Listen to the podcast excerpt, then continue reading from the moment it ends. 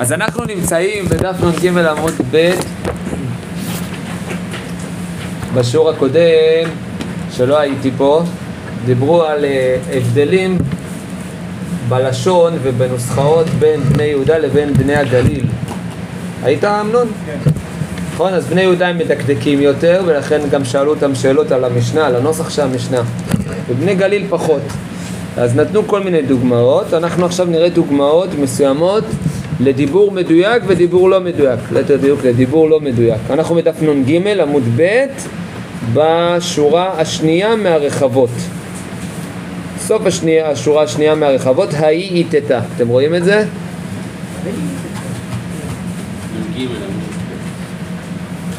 ראיתם. יאללה. היית את הדבעיה לממר לחבטה, תאי דאוכלי חלבה. הייתה אישה שאמרה לחבר... מצאת? מצאתם? הייתה אישה שאמרה לחברה שלה, בואי, אני... היא רצתה להגיד לחברה שלה, בואי תאכלי, אני אאכיל אותך חלב. במקום זה, בגלל שהיא דיברה בצורה לא כל כך טובה, לא ברורה כל כך, אמרה לה שלוחתי תאכליך לביא. כלומר, שלוחתי זה, לא יודע מה יצא לה, כן? תאכליך לביא זה יצא, במקום להגיד לה אני אתן לך חלב, תאכליך לביא, יאכל אותך אריה, כן? לביאה. כן, בסדר? ההיא איתתה, זה דוגמה אחת. דוגמה שנייה, ההיא איתתה דעתיה לקמא דדיינה. היא הייתה באה לדיון בבית הדין. אמרה לי, מרי קירי, טיפלה אבית לי וגנבו חמין וחדו אבות אבות דקד שדרו לך אילה וי לא מטה קרעך אני אסביר את הכל. ערא המטה כלומר ד... סליחה ערא נקודה. כלומר מה מדובר פה במקרה הזה? מראה קירי. היא רצתה להגיד אדוני לדיין אז היא אמרה מצד אחד מרי שזה אדון. קירי במקום להגיד את זה בקוף שזה אומר גם אדון או לשון של כבוד היא אמרה את זה בכף שזה אומר עבד, עבד שלי, כן? מרי קירי, טיפלה אבית לי. מה זה טיפלה אבית לי? היא רצתה להגיד שהיה לה איזה טבלה מסוימת, שזה לוח מסוים, ויצא לה טיפלה, טיפלה זה קורה. בסדר? וגנבו חמין, גנבו חמין היא הייתה רוצה, רצה להגיד גנבו אותה ממני, אבל בעצם מה אמרו? מה היא אמרה? גנבו אותך הדיין ממני. גנבו חמי, מין, ממני. כן? וחדו אבות דקת שדרו לך ילווה, כן? לא מטה קרך הערה הערה. כלומר, היא אמרה, היא רצתה להגיד, הטבלה היא כל כך גדולה שזה, שזה לא מגיע, שאם היו מותחים אותך עליה, פה היא כבר דיברה לגמרי נונסנס, כן? לגמרי שטויות כבר. יצא שהיא אמרה, אם עכשיו היו לוקחים אותך, הדיין, ושמים אותך על הקורה הזאת שאיבדתי, אז לא היית מצליח להגיע עד לסוף הקורה, כי אתה קצר כזה? לא יודע למה אמרת את הדברים האלה, ומה אנחנו אמורים ללמוד מהסיפורים של אנשים קצת אה, צ'וקמקים, כן. טוב. עכשיו דוגמה אחרת, הפוכה, לחוכמה. המהתה דבי רבי. באופן כללי יש לרבי, בגלל שהוא היה, זה דבר מעניין, בגלל שהוא היה זה שערך את המשנה, הוא דקדק מאוד מאוד בלשון הקודש. אז אפילו אמתו, אפילו השפחה שהייתה בבית שלו, ידע לדבר בצורה, בחוכמה, ב... אפילו היו, יש מקרים בגמרא במקומות אחרים, ששאלו כל מיני שאלות אותה. כן. מה זה לסלסל בשערך, כן? מה זה לסלסל? סלסליה וטרוממקה. בכל אופן, אז הנה תראו דוגמה לשפחה שהיא הייתה מאוד חכמה. המדע דבי רבי. אה, לירן, אנחנו נמצאים, תראה לו, אה, מעיינוס, איפה זה נמצא? המהתה דבי...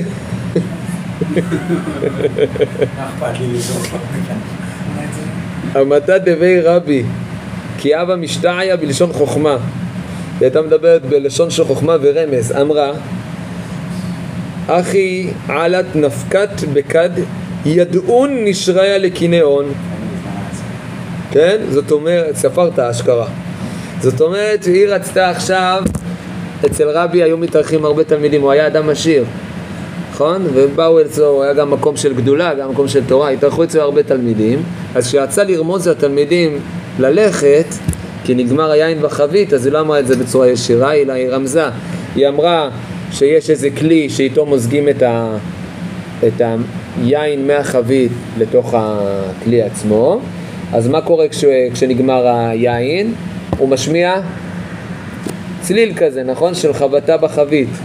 אז בגלל שזה נגמר, בגלל ששמעו את הצליל הזה, אז ידעון הנשרים לבית, ילכו הנשרים חזרה לבית. כלומר, אין לכם מה לעשות פה כי כבר נגמר היין, בסדר? אה, יהודה? נכון, שאלה. אבל כנראה שהם, זה מעניין, מעניין, דבר מעניין. בגלל היין הם יחזרו לבית. סיפור מעניין. כי עד עכשיו היה יין, היה סוד. מה זה הנקודה? שאלה טובה. כן. אה, ייני של טוירה ולחמה של טוירה. הייתי פעם בשיעור אצל גדול, איזה... הגרזן. לא יודע אם זה היה הגרזן. הגרזן. אני לא זוכר אם זה היה הוא. לקחו אותנו מהישיבת הסדר. לאיזה גודל בטוירה, באמת הוא היה גדול ממש. הוא דיבר איתנו על ייני של טוירה ולחמה של טוירה. יש עניין של יין. טוב, בכל אופן. פה זה לא פה זה יין. זה ממש. וכשכן היה יין, וכדבה באי דליטבון, כשהיא רצתה להחזיר אותם, אז היא הייתה אומרת להם, יעדי בתר חברתה מינה, ותתקפה עלת בכד כאילפה דאזלה. מה זה יעתר בתר, מינה, בתר חברתה מינה? נוציא את המכסה של החבית השנייה, ויהיה מזה יין, וככה הכלי הזה יצוף למעלה כמו ספינה ששטה בנהר. אנחנו נפתח חבית אחרת פשוט, והכלי... אה? ששם יש יין. והכלי עצמו יצוף למעלה, כי יש הרבה יין. בסדר? כמו ספינה. אילפא דאזלה בימה. זה תירוץ, כי... כי גם מקודם היה אפשר להוציא את נכון. מהחבית השנייה. נכון. כי הייתה רוצה שהם יישארו, הייתה אבל איך שפחה הייתה רוצה, ומה... כן. כאילו, זה היה כזה המנהלת של הבית. אתה... כן. ויש לשכה, כן. את התה. כן. הסיבה שלו הכ- הכוונה פה, היא פשוט לקחה את הכלי הזה, הטיחה אותו ברצפה. אוי! אוי! לא, כן. לא החבית. אגב, יש דיון אם היא אמרה את זה לתלמידים או לרבי בעצמו. כאילו, אם היא פנתה אליהם או ש... ובכלל למה ברמז? טוב. זו הייתה שיטה לגרש את האורחים מהבית. כן. גונג. טוב. רבי יוסי בר אסיאן. כי אבי משתאה בלשון חוכמה, כשהוא היה מדבר, משתאה זה מדבר בלשון חוכמה, אמר עשו לי שור במשפט בתור מסכן. זה אגב דבר גאוני. מה זה שור במשפט? איך אומרים שור?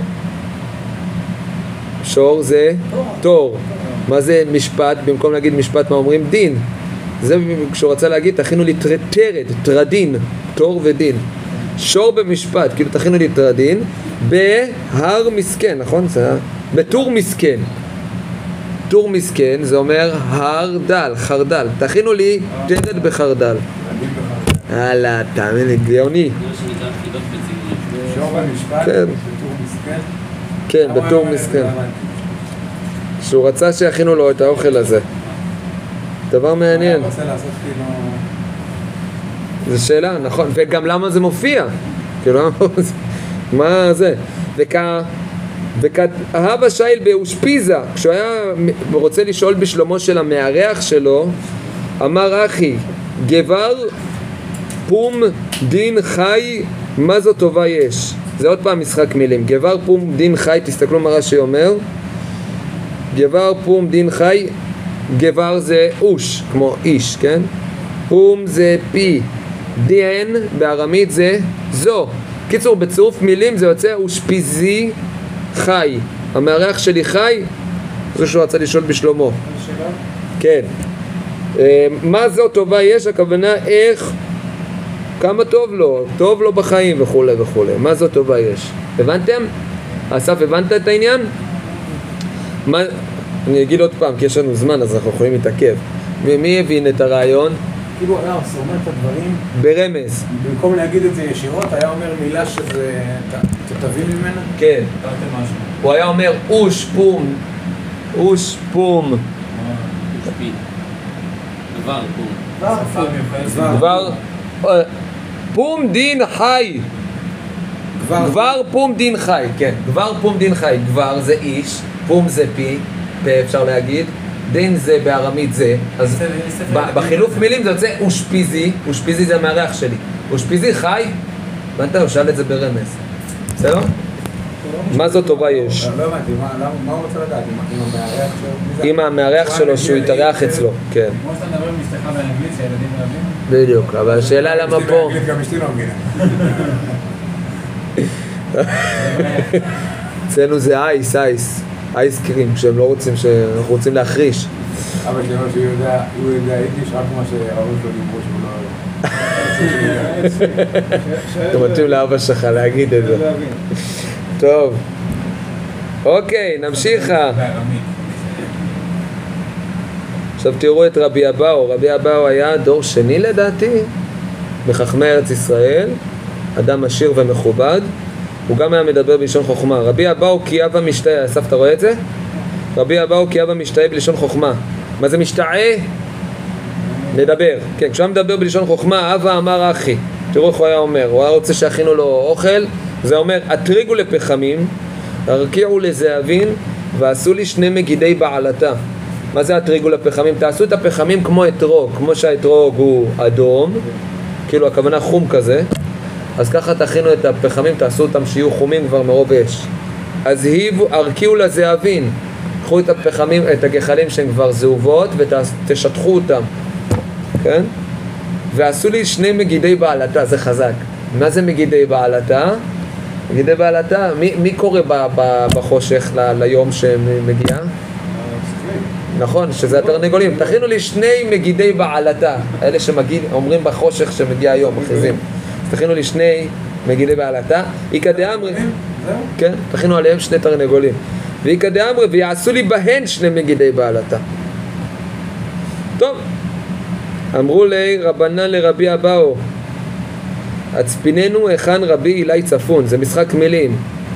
הם רצו לדעת איפה נמצא רבי אילי, אז אמרו הצפיננו היכן רבי אילי צפון. צפון זה אומר מתחבא, כאילו נסתר. אבל הצפיננו זה הפוך על הפוך, זה דווקא תראה לנו, מלשון לצפות, צופיה לכל ביתה, ככה רש"י אומר. תראה לנו איפה נמצא רבי אילי. לא, מה מה זה רבי אליהו? הוא כנראה היה נמצא, לא היה, לא, לא היה שם, כאילו, פתאום נעלם. איפה, הוא- לאן הוא הלך? נכון.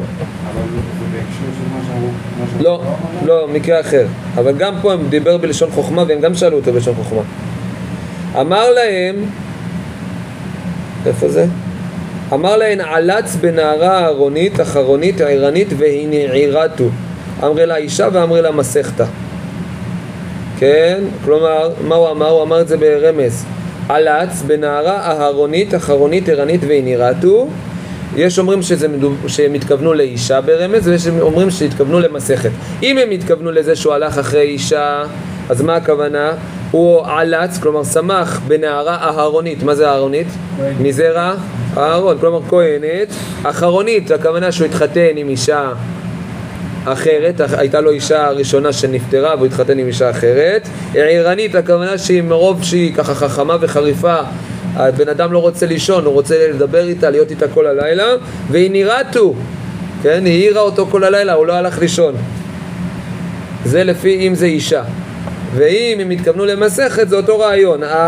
בוא נגיד אה, עוד פעם, עלץ בנערה אהרונית, הכוונה כינוי למסכת אהרונית. אהרונית זה, איזה סדר זה? קודשים, כן? מלשון אה, אהרון הכהן. אחרונית, אחרי שהוא סיים מסכת אחת הוא למד מסכת אחרת. ערנית, אה. שהיא- אחרי זה, כן, אחר כך, אולי אחריה. כן. סיים אחרת והתחיל בזו. כן, ערנית זה עמוקה, היא ככה מעוררת לומדיה, והיא והעירה אותו. בסדר? דיון מעניין, כל הסיפור הזה מעניין, כל הרמזים האלה. אמרי לי לרבי אילי, הצפיננו היכן רבי אבאו צפון. עכשיו זה הפוך בדיוק. שאלו את רבי אילי, איפה רבי אבאו צפון? גם פה במשחק מילים. אמר להן, התייעץ במכתיר והנגיב למפיבושת. מה אתה צוחק? להתייעץ במכתיר, הכוונה, מה זה מכתיר מלשון? מוכתר, הכוונה? השליט, הנשיא, כן? הוא, הוא התייעץ עם הנשיא, והנשיא נתן לו רשות להג, להנגיב, מלשון ללכת ל... לנגב, כן? לא לנגב, חומוס אליהו. והנגיב למפיבושת, מה, מה זה מפיבושת? רש"י אומר, לפני, תסתכלו ברש"י, לפני זקני דרום שהם חכמים מאוד, על שם שהיה מפיבושת אדם גדול. מה? כן, על שם מפיבושת שהוא היה אדם גדול? אמרו אלה שבנגב, הזקנים אז שבנגב. אמרו, אמרו לו כן, אמרו לרבי אלי, רבי אבאו הלך. לחכמי אה, הדרום. טוב. אמר רבי יהושע בן חנניה, זה אולי אתם מכירים את המקרה הזה. כולם מכירים, מה? אה? שמעו. אמר רבי יהושע בן חנניה, מאי לא ניצחני אדם חוץ מאישה, תינוק ותינוקת. זהו, זה הסיפורים האחרונים. אישה, תינוק ותינוקת. אישה, מהי היא? פעם אחת. פעם אחת התארחתי, מי יכול לקרוא? כי הגרון שלי קצת אה, חלשוש. פעם אחת התארחתי אצל האכסניה. אחת עשתה לי פולין ביום ראשון. תאילנד. סתם, כן. ולא שיערתי מהם כלום, שנייה ולא שיערתי מהם כלום, ביום השלישי. כלומר, מה קרה? היא הכינה לו פולין, פולין, פול, כן? והוא אכל מזה יום ראשון, יום שני. יום שלישי הכינה לו, אבל הפעם הקדיחה אותם במלח, שרפה את זה מרוב ששמה מלח, הוא כבר לא היה יכול יכול לאכול את זה. בסדר? ולכן הוא לא אכל מזה כלום. כיוון שטעמתי, משכתי ידי, אמרה לי, רבי, רבי, נתונים מים חסר, המזימה כבר עשרה תקליט בעוד. אמר לי, היה לאחד למשוך ידיך מן הפת, אמר לי, רבי, שמא לא הנה- לא הנחת פאה בראשונים, תמשיך, ולא כך. ולא כך אמרו, חכמים אין משאירים פאה בקערת. נקודה. כלומר, מה היא אמרה לו? היא הייתה חכמה מאוד. היא ראתה שהוא לא אוכל את האוכל שלה. אז כן, עכשיו הוא לא רצה להגיד לה כי זה לא נעים. אז היא אמרה לו, למה אתה לא אוכל? אה, אני כבר אה, שבעתי. אה, אם שבעת אז למה אתה אוכל, אכלת מהפת? כן? אה. עכשיו... לא, לא. לא אבל היא ישר אמרה עוד משפט, היא אמרה לו, תדע לך, יש כלל שכשהשמש, המלצר, פעם היו נותנים טיפ למלצר לא בכסף אלא באוכל, היו משאירים קצת בקערה למ- למלצר. אז, אז, אז אולי היית צריך, היא אמרה לו את זה בלשון רמז, כי רבי יהושע בן חנניה לא השאיר בפעמים הראשונות אוכל טעים. למלצר, או שזה היה טעים, מחמיא. אז היא אמרה, אולי אתה רצית להשאיר אוכל מהפעמים הראשונות בתוך, ה, אה, בתוך המחבת, בסדר? אבל מה אמרו חכמים?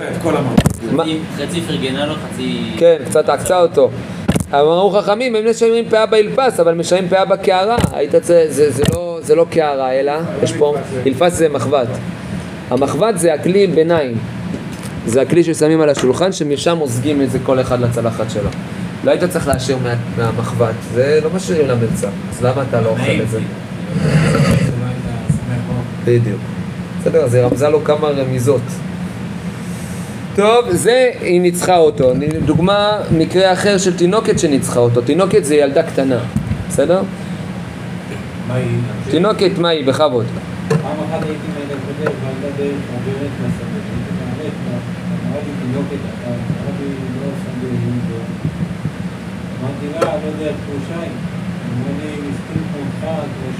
יפה, היא אמרה לי תינוקת ירד רבי, הוא הלך באמצע השדה כי הוא רצה לקצר את הדרך, ראתה אותה ילדה קטנה, ואמרה לו מה, אה, זה לא דרך, איך היא אמרה לו את זה? לא שדה היא זו? זה לא שדה?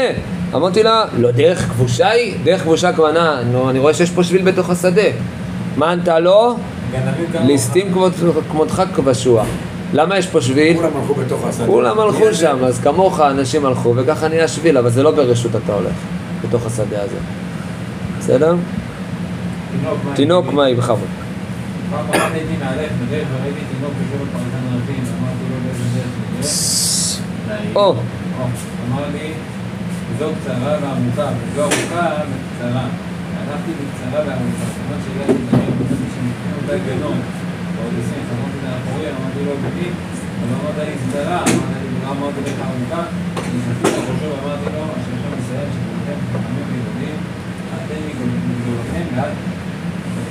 את זה אתם מכירים? את ה- את זה יחסית מוכר, נכון? הוא הלך לצומת דרכים ואמר לו, איך אני הולך לעיר? הוא ראה ילד בדרך, פרשת דרכים, אמר לו, איך אני אלך לעיר? אז הוא אמר יש שתי דרכים, הילד ענה לו. יש דרך שהיא קצרה אבל היא ארוכה, ויש דרך שארוכה אבל היא קצרה. אז הוא הלך בדרך שהיא קצרה, כי הוא ניסה לקצר, אז הוא הגיע דרך איזה גנות ופרדסים, אבל הוא לא יכול לעבור. הוא ראה את העיר, אבל הוא לא יכול לעבור, אז הוא היה צריך לחזור את כל הדרך אחורה, וזה, זה- אז זה היה דרך קצרה, שבסופו של דבר היא הייתה ארוכה. אז הוא אמר לו, הילד, הנה אמרתי לך, יש דרך קצרה שהיא ארוכה, ויש דרך ארוכה, היית צריך ללכת יותר, אבל היא הייתה, בסוף, ב- בטוטל, היא הייתה יותר קצרה. אמר, נשקתיו על ראשו. דיון מעניין. ואמרתי לו, אשריכם ישראל, שכולכם חכמים גדולים, אתם מגדולכם ועד כלכם. הוא התרגש מהסיפור הזה. ואמר, וואו, אתם גאונים, גאוני הדור, אשריכם ישראל, גם ילדים, גם אה, מבוגרים, כולכם גדולים. אז זה הסיפור. זהו, עד לפה. זה הסוגיה. אתה רוצה לתת לנו ככה... כן, כן. גם בקווים, גם איך אנחנו אמורים להסתכל על זה. רגע, זה הסוגיה? לא, אה, זה. אבל אולי תיתן סיכום לסוגיה? כן, כן, תמשיך עם זה. חב, לא, לא. סיכום. אתה תיתן. אני אתן סיכום. לא, אני רוצה גם שתיתן קריאת כיוון איך אנחנו עכשיו. אחרי זה. טוב, הסיכום, מה ראינו פה בנקודות האלה? אה, דבר, ראינו, התחלנו בחוסר דיוקים, אישה אחת שאמרה לחברה שלה בואי נאכל, אה, נכון? אני אתן לך לאכול חלב, והיא לא דיברה בצורה מדויקת, ואז מקרה שני, דיברה אצל דיין וניסתה להגיד לו גנבו לי את הטבלה, ובסופו של דבר היא אמרה לו גנבו אותך, נכון? דבר, זה דבר שני. דבר שלישי, מה ראינו? רבי, אשתו, אה, אמתו של רבי, נכון? שהיא רמזה, תלמידים צריכים ללכת. ו... או, או שהם צריכים לבוא, כן? או היה את רבי יוסי בר אסיאן שהוא רצה שיכינו לו טרדין בחרדל, אז מה הוא אמר? את המשפט, נכון? עשו לי משפט ב... בשור, תור, בשור במשפט, ואחרי זה וגם כשהוא רצה לשאול למא- למארח שלו, ורבי אבאו ראינו שהוא רצה שיכינו לו שני מגידי בעלתה, שמה זה? תרנגולים, אז הוא אמר את זה בלשון אה, חוכמה. ו... ורב... ויש את המקרה של רבי אבאו ורבי אילאי, נכון? כל פעם, אה, פעם אחת רבי, שאלו את רבי אבאו איפה נמצא רבי אילאי, והוא ענה ברמז, והפוך. בסדר? אם אתם זוכרים, נתייעץ במחקיר והנגיב למפיבושת. בסדר? והדבר, המקרה, והדבר האחרון בסוגיה זה הסיפור של רבי יהושע בן חנניה עם האישה המארחת, כן? ועם התינוקת ועם התינוק.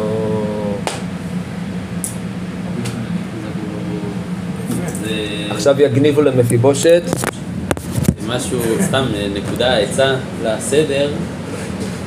אה, בגלל שהסוגיה קצרה, זו הזדמנות אה, כאילו לאחוז בטוב, לדעת, זו הזדמנות לאכול.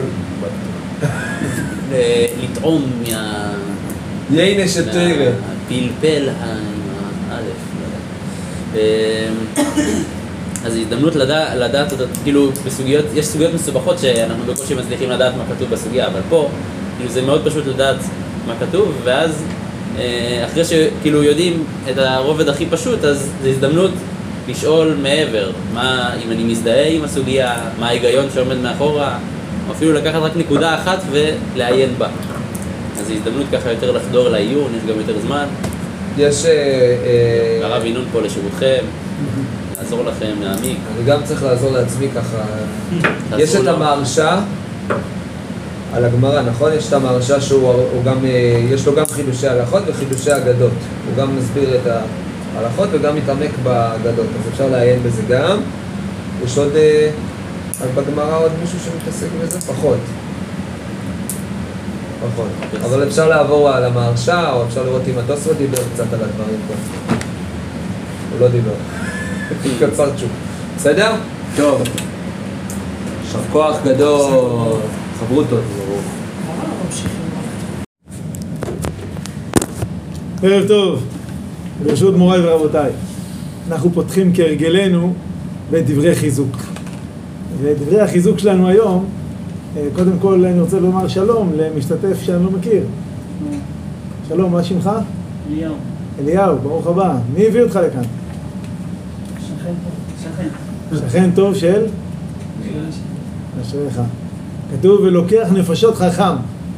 אז זה לוקח נפשות, זה מי שלוקח נפשות, מביא אותם ללימוד התורה. אז אה, אשרי גדול המעשה יותר מן העושה, זה דבר חשוב ביותר. זה כמו תרמית פירמידה כזאת, כל אחד שמביא עוד אה, לקוחות, הם מביאים עוד לקוחות ו... וכן הלאה וכן הלאה. רק בלי התרמית, כן. אז אם כן, אה, בשבוע שעבר, וגם השבוע וגם בשבוע הבא, אנחנו עוסקים בדברי אגדה. ו... ושבוע שעבר כבר אה, עסקנו בדברי החיזוק שלנו בעניין חשיבות לימוד האגדה. והיום נגיד עוד משהו בעניין הזה. באופן כללי, כך מופיע בזוהר הקדוש, פרשת בעלותך, המהר"ל גם הביא את זה בתפארת ישראל, שהתורה היא כדמות אדם. כמו שבאדם יש, אני לא זוכר אם אמרתי את זה בשבוע שעבר, שיש אה, גוף, לבוש ונשמה, אמרתי את זה? לפני שבועיים, בסעודה. לפני שבועיים, בסעודה. אה, עכשיו אנחנו נקשר את זה לעניין לימוד האגדה. פשוט עוד משלים את השיעור מאז. מצוין. שמעתי את זה אתמול. יש, אה, כמו שבאדם, יש, כלפי חוץ אתה רואה לבוש, בפנים יש גוף, בפנים בפנים יש נשמה. אז כך בעצם בתורה יש תמיד את החלק החיצוני שהוא הלבוש, שהוא הסיפורים שבתורה, כך אומר הזוהר הקדוש. גם בזה אני חושב לא פירטתי בסעודה שם, שגם בסיפורי התורה עצמם, רוב סיפורי התורה זה סיפורים. ספר בראשית כולו סיפור, ספר שמות כמעט כולו סיפור. נכון, ספר ויקרא כמעט כולו הלכות. אבל ספר במדבר גם יש בו המון סיפורים, גם ספר דברים, השליש האמצעי הוא הלכות, השליש הראשון והאחרון זה יותר דברי מוסר, סיפורים וכולי, אבל גם ההלכות באות בדרך של סיפור. כלומר, אם אני משווה רגע את אה, חוקי מדינת ישראל, אה, חוק אה, 3228, קו נטוי ג', לא יודע אם יש דבר כזה, אבל לצורך העניין, כתוב שמה, העושה כך וכך, דינו כך וכך, זה הלכה, זה משפט, זה כלל עקרוני, מעשי. לעומת זאת בתורה, גם כאשר יש כלל מעשי, אז יש סיפור, כלומר, הוא עטוף בסיפור. יכול להיות לו סיפור ארוך, יכול להיות אפילו, וידבר השם על משה לאמור. דבר לבני ישראל לאמור, כך וכך וכך. אבל זה גם סיפור. זה לא ספר שפונה אליך ואומר לך עשה. זה ספר שמספר. הקדוש ברוך הוא אמר למשה שעם ישראל יעשו כך וכך. אז אפילו זה יכול להיות משפט אחד של סיפור, וידבר השם משה לאמור. אבל זה גם עוטף בעצם בסיפור. אז הסיפור זה לבושי התורה, זה מה שעוטף את ההלכות. ההלכות עצמן הן הן גופי תורה, הן נקראות גופי תורה, גם בגלל שזה דבר מעשי ועושים אותו בגוף, וגם בגלל שזה משהו הרבה יותר אה, מהותי מאשר, לכאורה, מאשר הסיפור. הסיפור זה רק הצורה שבה זה מתגלה. ההלכות זה דבר יותר קריטי, אדם שלא יודע את כל פרטי סיפורי התורה, אבל מקיים את כל ההלכות. זה ודאי דבר יותר קריטי מאשר לדעת את כל פרטי הסיפורים ולא לקיים את ההלכה. אבל כמו שבאדם אנחנו מבינים שעיקר העניין זה הנשמה שבו, כך בתורה עיקר העניין זה הרוחניות שבה. כלומר, בכל הלכה ובכל מצווה יש עומק רעיוני. והעומק הרעיוני הזה הוא נשמת התורה. עכשיו, איך אנחנו, אנחנו רוצים להיפגש עם ריבונו של עולם? הזכרתי את זה בשבוע שעבר. רצונך לידע את מי שאמר והיה העולם למד אגדה. האגדה היא ישירות להיפגש עם החלק הרוחני, עם הנהגת השם בעולם. כמובן, אם אתה סתם מתעסק רק בדברים שנראים הזויים לגמרי לפעמים, באגדתות, ואתה עומד ככה, משתומם ולא מבין, אז אתה לא פוגש את הקדוש ברוך הוא, אתה פוגש את ההסתר של הקדוש ברוך הוא. כי הקדוש ברוך הוא אל מסתתר. תמיד כשהוא מופיע בעולם, בהסתרה, לפעמים גם בהסתרה שבתוך ההסתרה, כפי השיר הידוע על דבריו של רבי נחמן. הוא אומר את זה על המילים, אנוכי אסתר אסתיר, אפילו בהסתרה שבתוך ההסתרה, בוודאי גם שם נמצא השם יתברך. אז אם כן, גם כאן,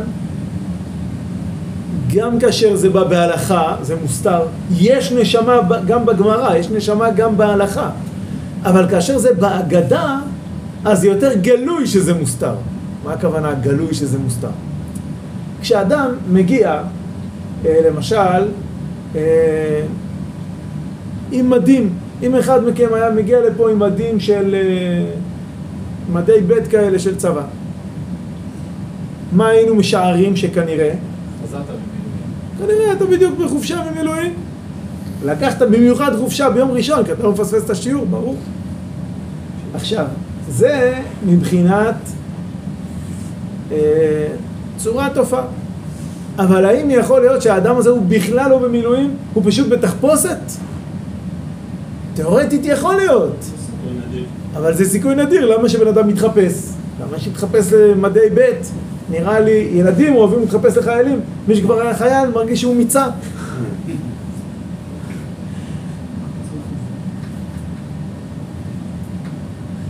אבל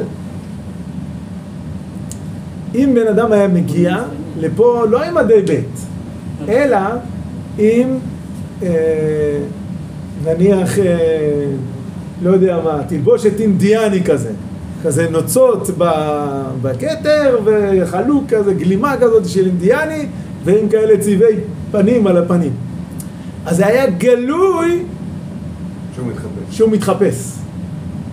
כך בעצם ב, ב, בהגדה, הרבה פעמים, אתה רואה את זה בצורה גלויה שזה תחפושת. כלומר, שזה רק לבוש להגיד משהו אחר.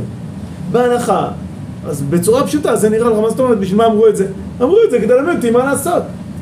אתה לא יודע, זה נסתר שיש פה תחפושת. אתה לא מעלה בדעתך שבעצם ההלכה גם היא מעבירה לך מסר מעבר למה לעשות. יש פה רעיון עמוק. הרבה פעמים סוגיות הן לא, לא, לא מעשיות לחלוטין. בואו נהיה רגע כנים, כל מסכת עירובין, סביר להניח שלא ניתקל בה לעולם. ברוך השם. ברוך השם. יש לנו עירוב, אנחנו לא צריכים לצאת מחוץ לעיר. אם נצ... זה, זה נדיר, מה, מתי אדם, אם אתה עושה שבת שטח, אז הרב אביב כבר אה, יצא בשצף קצף על מי שעושה שבת שטח בסעודה שלח שהייתה. מגבעת שמואל לחולון. כן, בסדר. גם לא באמת אה, נתקל בדברים. אבל אה, נתקל אולי בכמה סודנים, אבל זה בעיה אחרת. אם כן, ההלכה בצורה פשוטה, באה להגיד לך מה לעשות. באופן נסתר יש בה גם לבוש, כלומר היא גם מסתירה איזה מסר נוסף. האגדה, התחפושת הרבה יותר גלויה. אתה רואה כל מיני, מה הגמרא רוצה להגיד לך? שלוחתי תאכלי חלביה. מה? זה לא היה לחכמים מה לעשות חוץ מלספר סיפורי מעשיות על שפחה כזאת ועל אישה סתומה אחרת. מה? אז דווקא זה, זה המשל למה הדבר דומה, שבן אדם בא עם תחפושת של אינדיאני. הוא בעצם צועק, יש לי מסר. בסדר? אז זה הרעיון של ההגדה, ולכן דווקא בהגדה, שוב, לא תמיד אנחנו זוכים להעמיק ולהבין מה עומק העניין, אבל כאשר זוכים, שוב, בשיעור הקודם, אמרתי גם, אה, גם בתחילתו וגם בסופו, היה כולו לקוח מדבריו של הרב אביב, היה שיעור, אני נהניתי ממנו מאוד, אה, ו- ואני חושב שהיה בו הברקה יפה מאוד על עומק הסוגיה. היום אנחנו אה, בזה סיימנו את דברי החיזוק שלנו שהיו על חשיבות לימוד ההגדה, אבל עד כאן זה גם היה קשור קצת לתואר הסוגיה. ואנחנו ננסה לראות את עומק הסוגיה שלנו להיום. אה, אני ממשיך היום את הכיוון של הרב אביב, גם את הדברים שאמרתי בשמו בשבוע שעבר, גם דברים שהוא אמר על הסוגיה, אבל הפעם אני מרחיב יותר ומוסיף עוד כמה דברים. בעזרת השם כניסת הזמן וכניסת יד השם הטובה, שהקדוש ברוך הוא יזכה אותנו.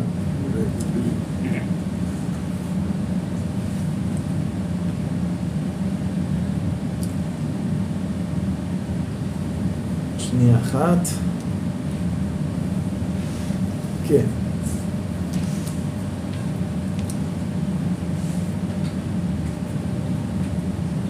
אז קודם כל, אה, שוב, אני, הדברים שאני אומר פה, חלקם זה בשם הרב אבי, חלקם זה הוספות שלי, הדברים משוקעים זה בזה, ואנחנו גם חברותא ואוהבים אחד את השני בצורה כזאת שאני לא צריך אה, על כל משפט להגיד לכם, רגע, זה מהרב אבי, זה ממני, זה לא כל כך משנה. אני אומר בפתיחת הדברים שזה בצורה משולבת, וזה נקרא שאמרנו דבר בשם אומרו, לא כל כך משנה מה ממני, מה ממני. במקום שלוחתי, אותה אישה התכוונה להגיד שלובתי, ככה המסבירים הראשונים. ושלובתי זה חברתי, המשולבת בי. אז גם אני והרב אביב, ברוך השם, משולבים כבר הרבה שנים, אז גם דברי התורה שלנו משולבים זה בזה. אז אם כן, הרב קוק אומר באופן כללי, שצריך לשים לב למה דברי אגדה מסוימים נמצאים דווקא במסכת הזאת. רב צדוק אומר עוד יותר אפילו דווקא בפרק הזה. כלומר, לפעמים הגמרא, איך הגענו עכשיו לדבר על זה?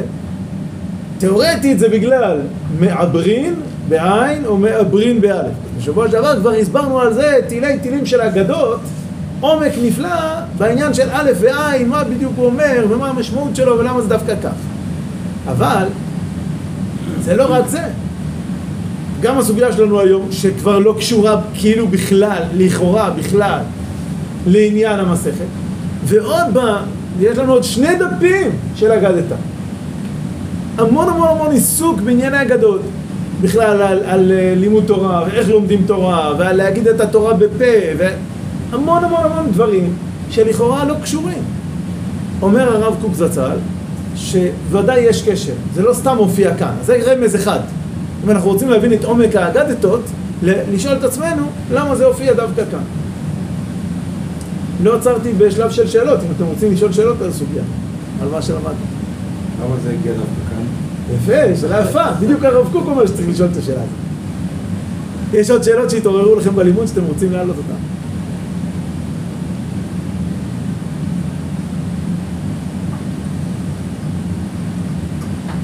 מה, אתם שקטים היום?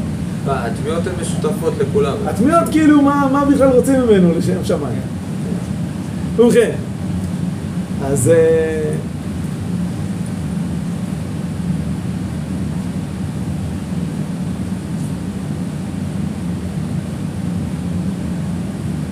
אז יש כאן דבר עקרוני, שזה באמת אה, גם כן חידוש של הרב אביב, שהוא אומר, אה, רבי יהודה הלוי, בספר הכוזרי, במאמר אה, ג' אות ל"ה, הוא מתפלמס עם הקראים. מה עניינם של הקראים? רק תורה שבכתב, נכון? עכשיו, רבי יהודה הלוי, בעצם החבר שמתפלמס עם מלך כוזר, אז הוא, הוא שואל אותו למה לא הקראים? הקראים נאמנים בתורה שבכתב, בתורה תורה לכאורה, תורה שבכתב זה מה שניתן משמיים. אומר לו החבר, הייתי רוצה שישיבוני הקראים תשובה מספקת על זה והדומה לו, ואשוב לדעתם. אני מוכן להיות כמו הקראים, אם הם יענו לי על כמה שאלות. הטענה העקרונית של רבי הלוי היא שאי אפשר לקיים את התורה שבעל פה, שבכתב, בלי תורה שבעל פה. יש המון דברים בתורה שאין שום צורה להבין אותם. למשל, מה זה והיו לטוטפות בין עיניך? מה זה טוטפות? אה, זה תפילין. מאיפה הבאת את זה? אפילו דבר פשוט כמו, בסוכות תשבו שבעת ימים. מה זה סוכות? אולי סוכות זה קורסאות? צריך לשבת בקורסאות שבעה ימים. מאיפה הבאת של סוכות? גם לפי הקראים, סוכה זה סוכה. אז מאיפה הבאת את זה? אם לא מתורה שבעל פה. יש עוד טענות יותר חזקות כמו וזרחת כאשר ציוויתיך. כתוב לשחוט, לא כתוב בתורה בשום מקום איך לשחוט. כתוב תשחט כמו שציוויתי אותך. איפה ציוויתי אותך? כנראה בעל פה. אחת הדוגמאות שהחבר מעריך בהן בספר הכוזרי זה הדוגמה של עירובי תחומים. איפה עובר תחום שבת? זה הרי הנושא של הפרק שלנו. כיצד מעברין את הערים, וכל המשך הפרק עוסק בשאלה הזאת. איך מודדים את תחום השבת? אלפיים אמה לכל כיוון מותר ללכת, איך מודדים את זה? אז על זה אומר החבר, זה דבר ש... מה כתוב עליו בתורה? כתוב, אל יצא איש ממקומו. שבו איש תחתיו, אל יצא איש ממקומו ביום השביעי. אז מה הכוונה? מה זה מקומו? זה הכיסא שלו, זה הבית שלו, זה החדר שלו, זה השכונה שלו, זה העיר שלו, זה אלפיים אמה מחוץ לעיר. מאיפה הבאתם את זה? העיבור של העיר. מהעיבור של העירות, כן. יש המון המון עוד דינים כאלה, כמו לעבר וכמו בית שהוא רחוק 70 אמה ושיריים, ואז מעברים. מאיפה הבאתם את כל זה? ואומר, אומר החבר, מאיפה הבאנו את זה? מתורה שבעל פה. אבל מאיפה אתם הבאתם את דעתכם? הייתי רוצה שהקראים ייתנו לי גבול. אל יצא איש ממקומו ביום השבת. אם הוא ביתו, או חצרו, או רשותו.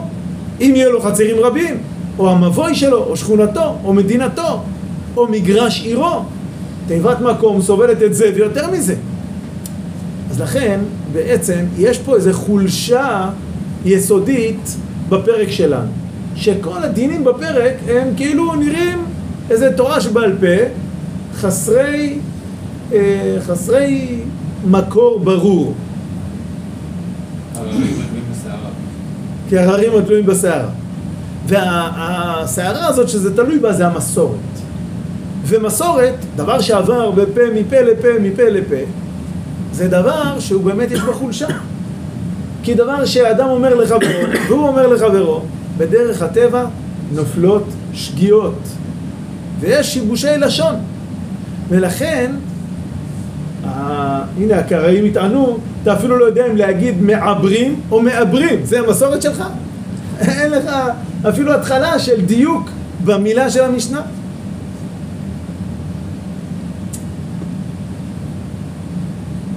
זה בעצם המורכבות, החולשה המסוימת של כל הפרק שלנו, של כל הדינים שבמהותם באים על ידי תורה שבעל פה, על ידי מסורת.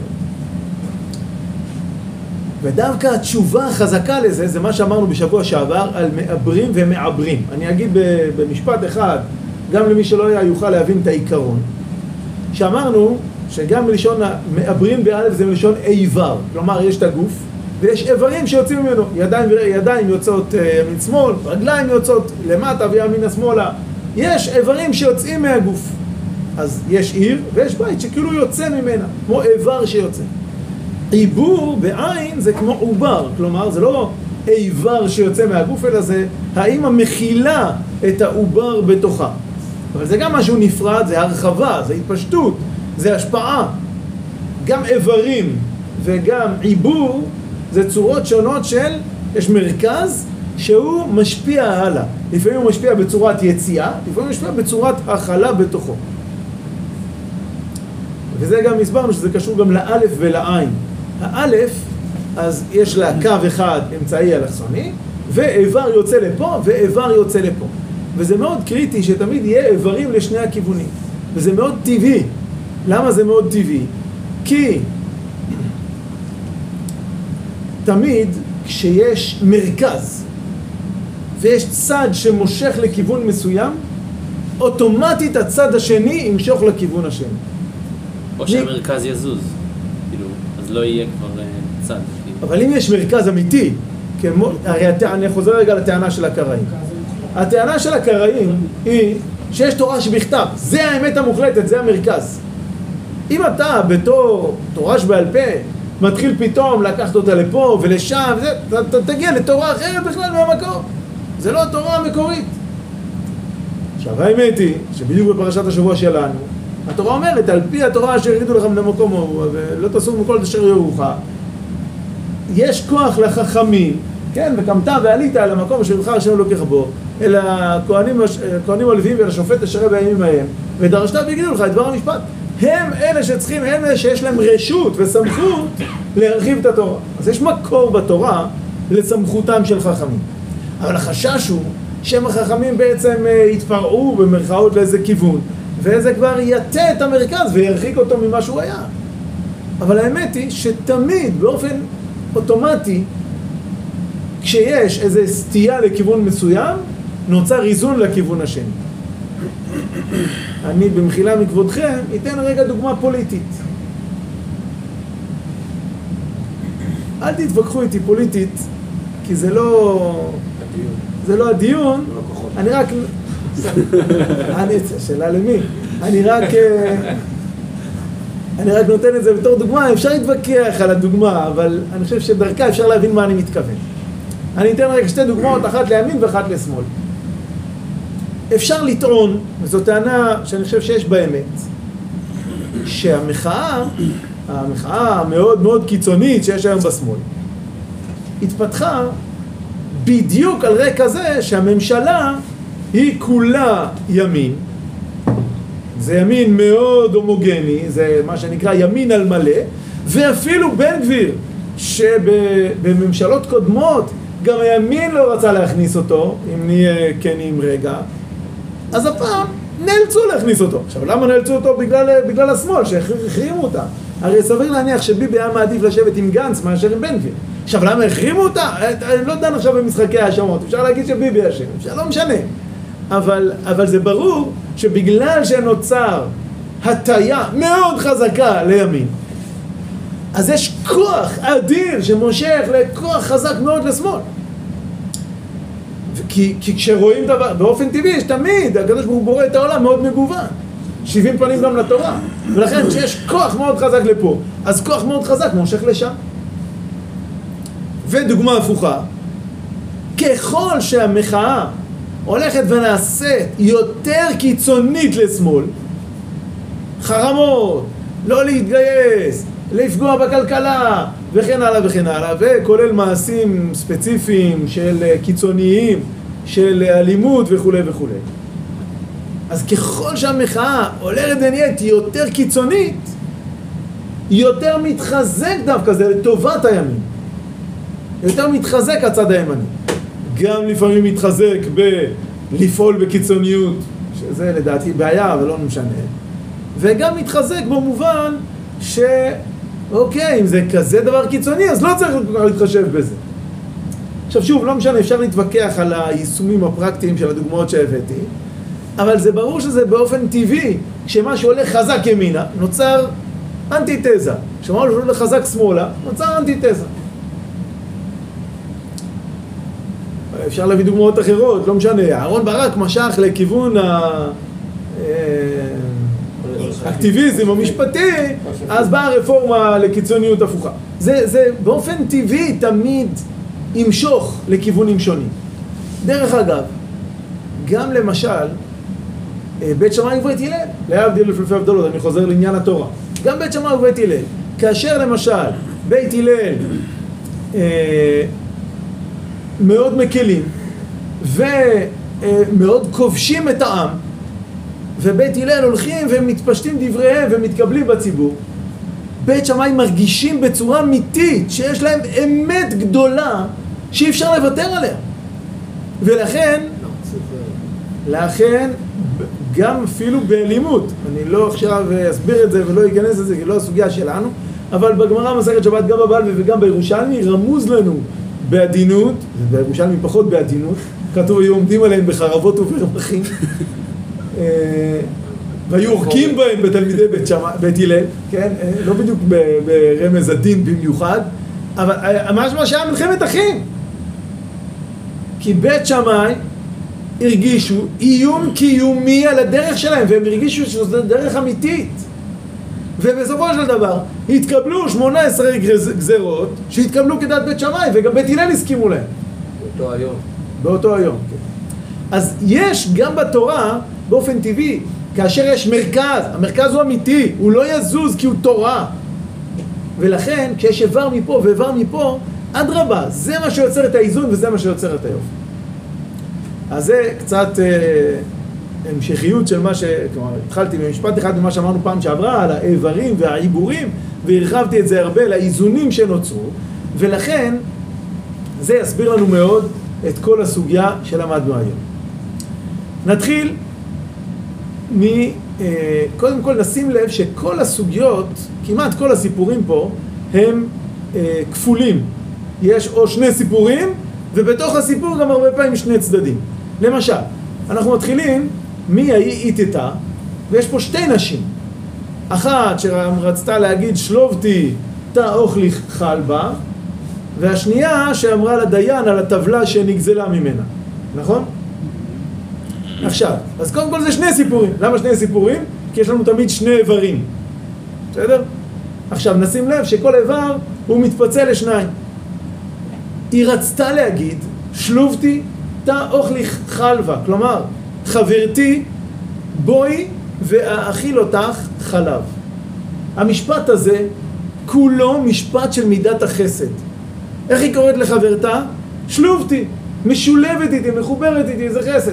בואי, תא, זה בואי, תתקרבי אליי. ואוכליך, אני אאכיל אותך. מה אני אאכיל אותך? חלב.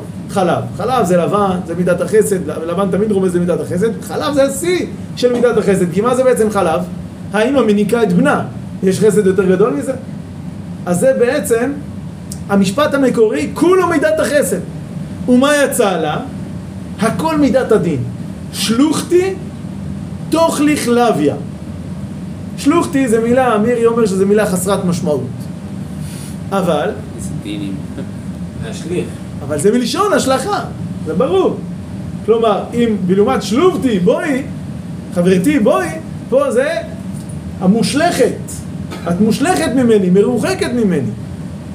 ותוך לכלביה, יאכל אותך אריה.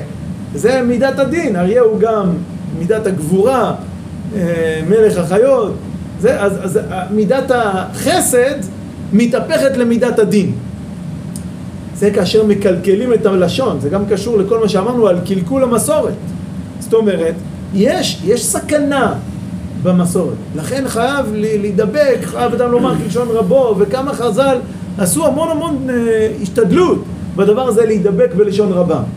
נכון, יכולות להיות תקלות, אבל התקלות, תמיד יש איבר אחד, יש גם איבר לצד השני. אז אם מידת החסד מתהפכת למידת הדין, בסוף יקום גם איזה מישהו שיצעק ויגיד לא, אני רוצה את מידת החסד פה. כי יש 70 פנים לתורה, ולכן, נכון, יכול להיות שמישהו יטעה ויגיד משהו בטעות. אז יקום מישהו אחר ויחלוק עליו. דווקא הדינמיקה של התורה שבעל פה יוצרת את האיזון. הקראים, רבי יהודה הלוי מתאר שם עד כמה הם היו קנאים, לא רק קראים, אלא מאוד מאוד מקפידים על ההלכה הרבה יותר מהדתיים, מאיתנו כאילו, בזמנם. מדוע? כי מבחינתם היה להם אמת אחת, ואוי ואבוי הם יעשו ממנה. כל העולם כולו גשר צר מאוד, והעיקר לפחד מאוד. זה היה הגישה של הקראים. אבל דווקא אם אתה מבין שאוקיי, יכול להיות גם שיש פה טעות. חז"ל אומרים, ודגלו עליי אהבה, ודילוגו עליי אהבה. גם אם אדם דילג וטעה ואמר את התורה בטעות, גם זה באהבה. כי בסוף אתה בבית, והתורה יש לה 70 פנים. אז נכון, יכול להיות שפה טעית, אבל עשית לשם שמיים. אל תדאג, התורה לא תשתבש. יבוא מישהו ויאזן את זה. אתה יצאת איבר לפה, אולי אפילו בטעות, יבוא מישהו ויאזן. אז זה צד אחד של איזון בין חסד לדין. הסיפור השני הוא לא בין חסד לדין, חסד ודין זה ימין, ימין ושמאל. הסיפור השני הוא יותר מעלה ומטה. האישה רצתה להגיד, שנייה אחת.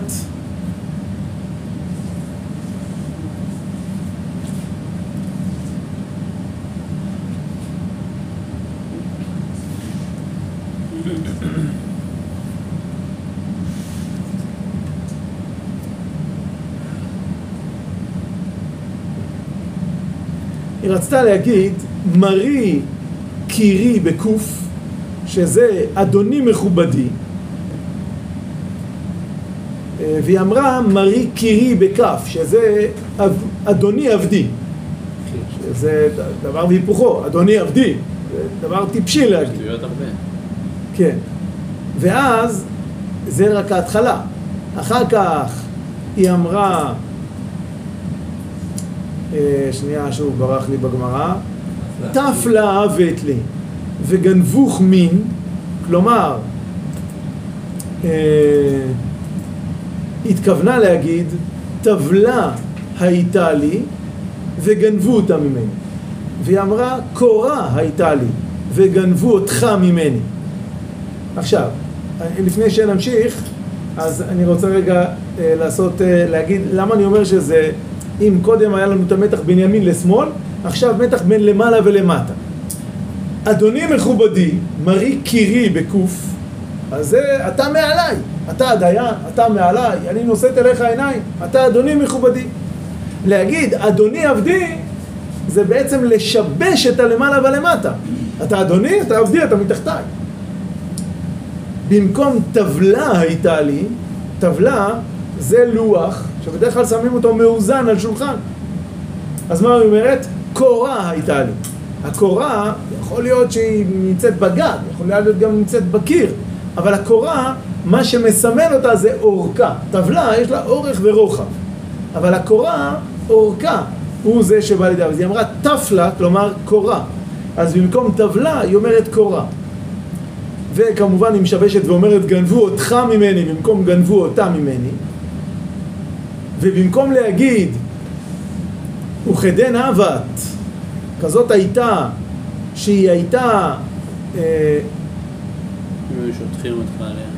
וכדן אבת שאם היו, אה, אם היו, אה, היא התכוונה להגיד שאם היו משקיעים, בעיקרון היא הייתה אמורה להגיד שהיא הייתה ארוכה יותר מהגובה שלך. שאורכה של הטבלה היה יותר מהגובה שלך הדיין. הדיין כנראה היה אדם גבוה. והיא אומרת לו, הטבלה הייתה יותר ארוכה ממך. אבל מה היא אמרה? אם ימתחו אותך על הקורה, לא יגיעו רגליך לארץ. בעצם כביכול אומרת לו, יתלו אותך על הקורה הזו. אז לגיטימי לומר שהטבלה ארוכה יותר מהגובה שלך. כי אדרבה, זה מראה שהדיין עצמו הוא אמת מידה לגובה. אבל בפועל, היא, במקום שהאדם עומד על הארץ והטבלה נמדדת לפיו, והיא אומרת לו הטבלה יותר גבוהה אפילו ממך, אז במקום זה הטבלה עומדת על הארץ, והדיין או האדם נתלה עליה. אז יש פה בעצם, ש... ב... ב... מלמעלה למטה, מיהו האדון ומיהו העבד בעצם, מי נתלה על מי.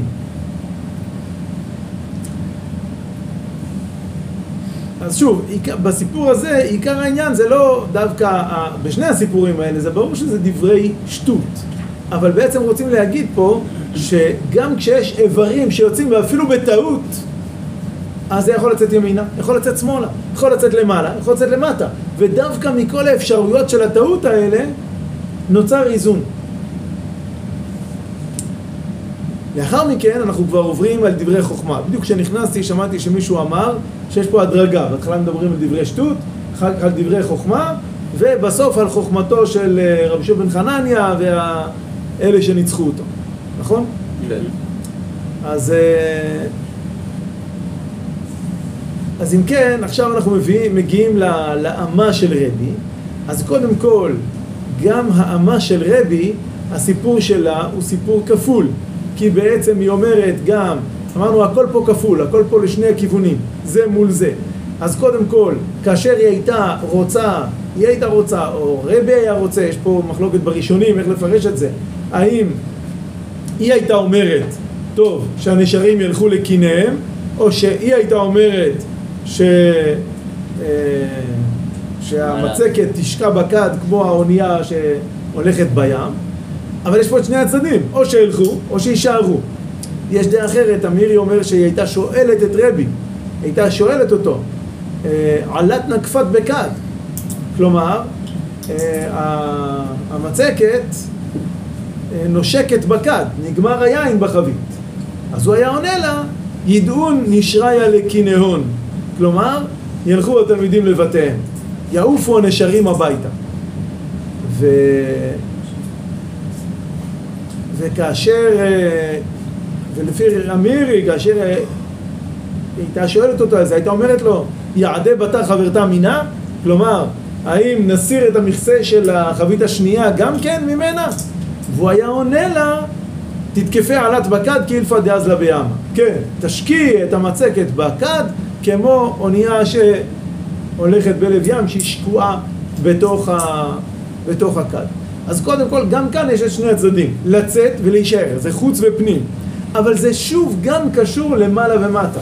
כי זה נשרים שעפים בשמיים, ואונייה ששוקעת בים. האונייה תמיד, חלק מאוד מרכזי שלה שקוע בתוך המים.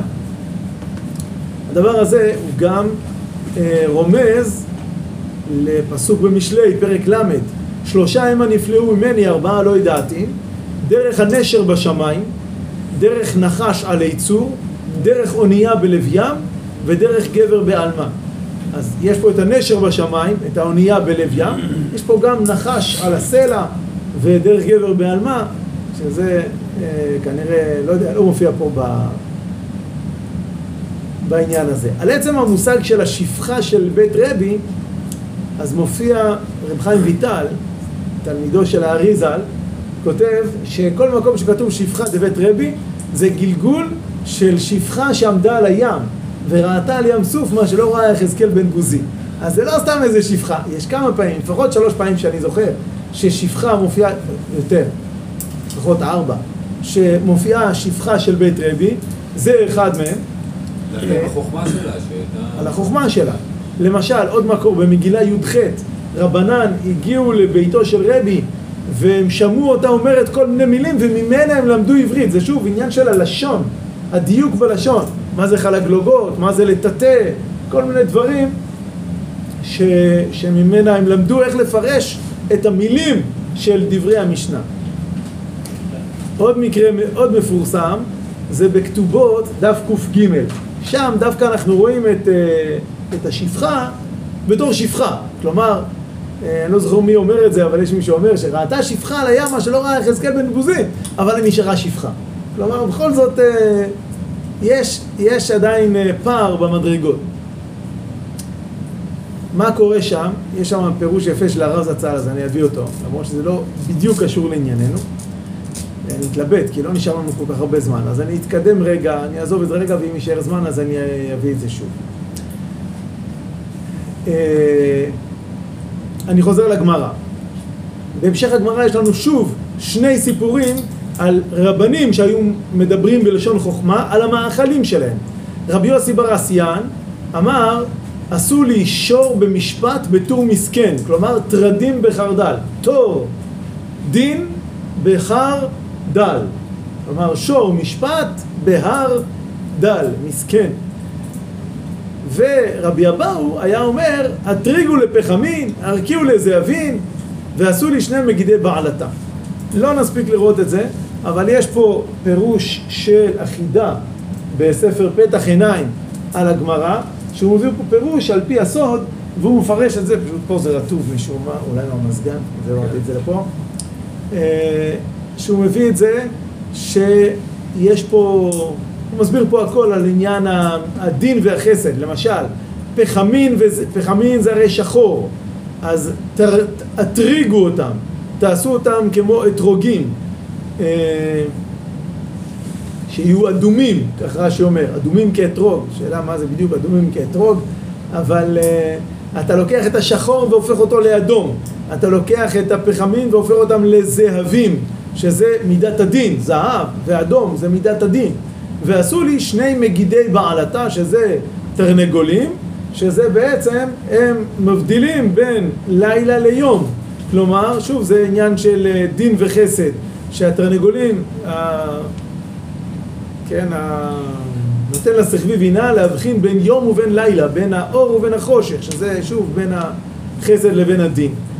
וגם שור במשפט בטור מסכן, אז השור זו הדרך הישרה שצריך לפסוק במשפט, במשפט תמיד יש סנגור וקטגור לכאן ולכאן וצריך לפסוק את הדרך הישרה.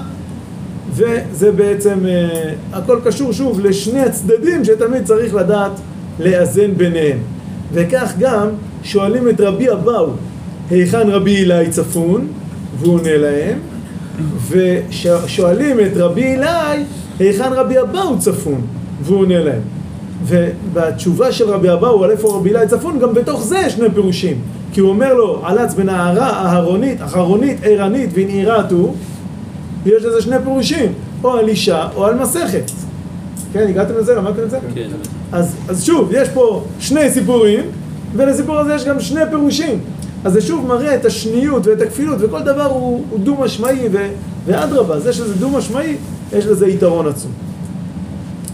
נשאר לנו דקה לדבר על רבי יהושע בן חנניה.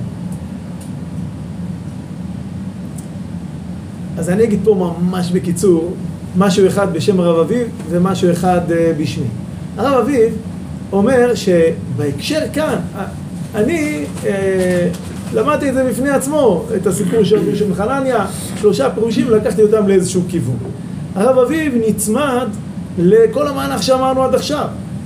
ולכן זה יותר מתאים לפשט פה, שבעצם הוא גם משווה את זה, הרב אביב השווה בין מה שמופיע פה לבין מה שמופיע במקור מקביל שמביא אותו תוספות, שמביא שזה מופיע במסכת דרך ארץ, במסכת החיצוניות שזה חלק מהתוספתא, אז כל הסיפורים האלה, שלושת הסיפורים של רבי יהושע מופיעים, אבל בלשון קצת אחרת. אחד ההבדלים הגדולים שאצלנו כל הזמן מדגישים מה אמר רבי יהושע.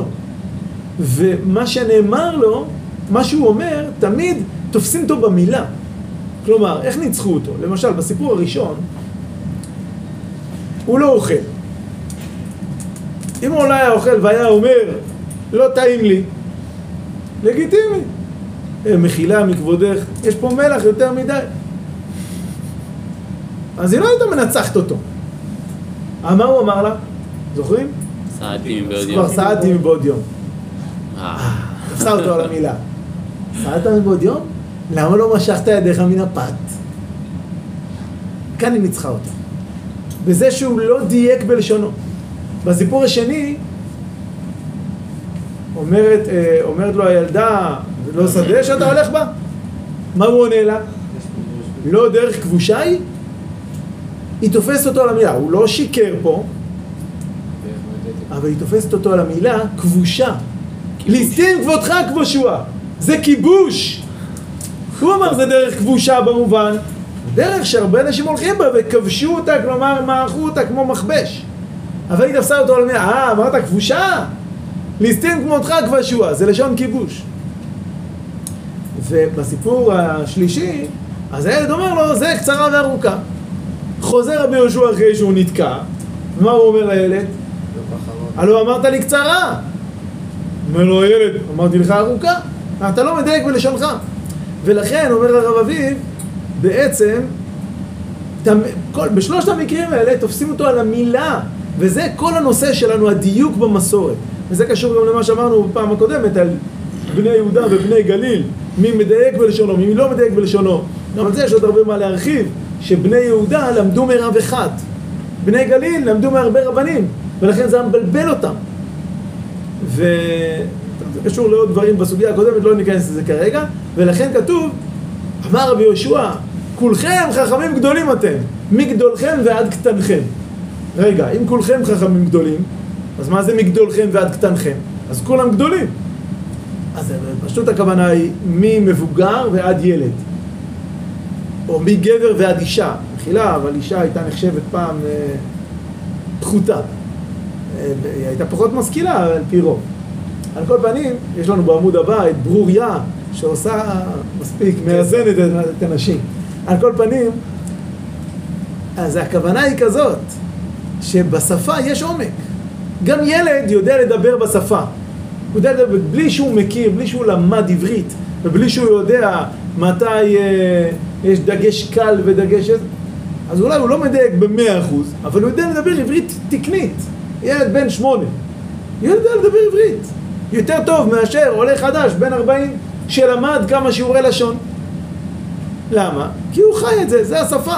ולכן כל מי שיודע את השפה יכול להגיע לחוכמה הגדולה. אז כולכם חכמים גדולים, אתכם, אתם מגדולכם ועד קטנכם, כי זה דרך השפה, דרך הלשון. זה פירושו של הרב אביב. אני הלכתי בכיוון אחר, שאומנם פחות קשור פה ל... למה זה אה, חורז את ה... למה זה ממשיך את המהלך? דיוק בלשון. כי כל הנושא הוא לא רק האיברים, אלא האיזון בין האיברים הוא קשור לכל הנושא של המסורת, של הדיוק בלשון, כמו שראינו בבני יהודה ובני גליל. אה, אמרתי גם שבני יהודה לומדים מרב אחד, בני גליל לומדים מכמה רבנים והם לא מדייקים בלשונם. בעצם בני יהודה יותר מאחדים את האיברים, בני גליל מתפרדים. יש, לא כל האיברים זה מרכז שיוצא לאיברים. בסוף מרוב איברים אתה עלול להתפרד ולעזוב את המרכז. וגם בסיפור שלנו, שמדובר על רבי אבאו, נתייעץ במכתיר והנגיב למפיבושת. אז הוא ירד לדרום ללמוד מחכמי יהודה שהם בדרום, שהם נקראים חכמים כמו מפיבושת.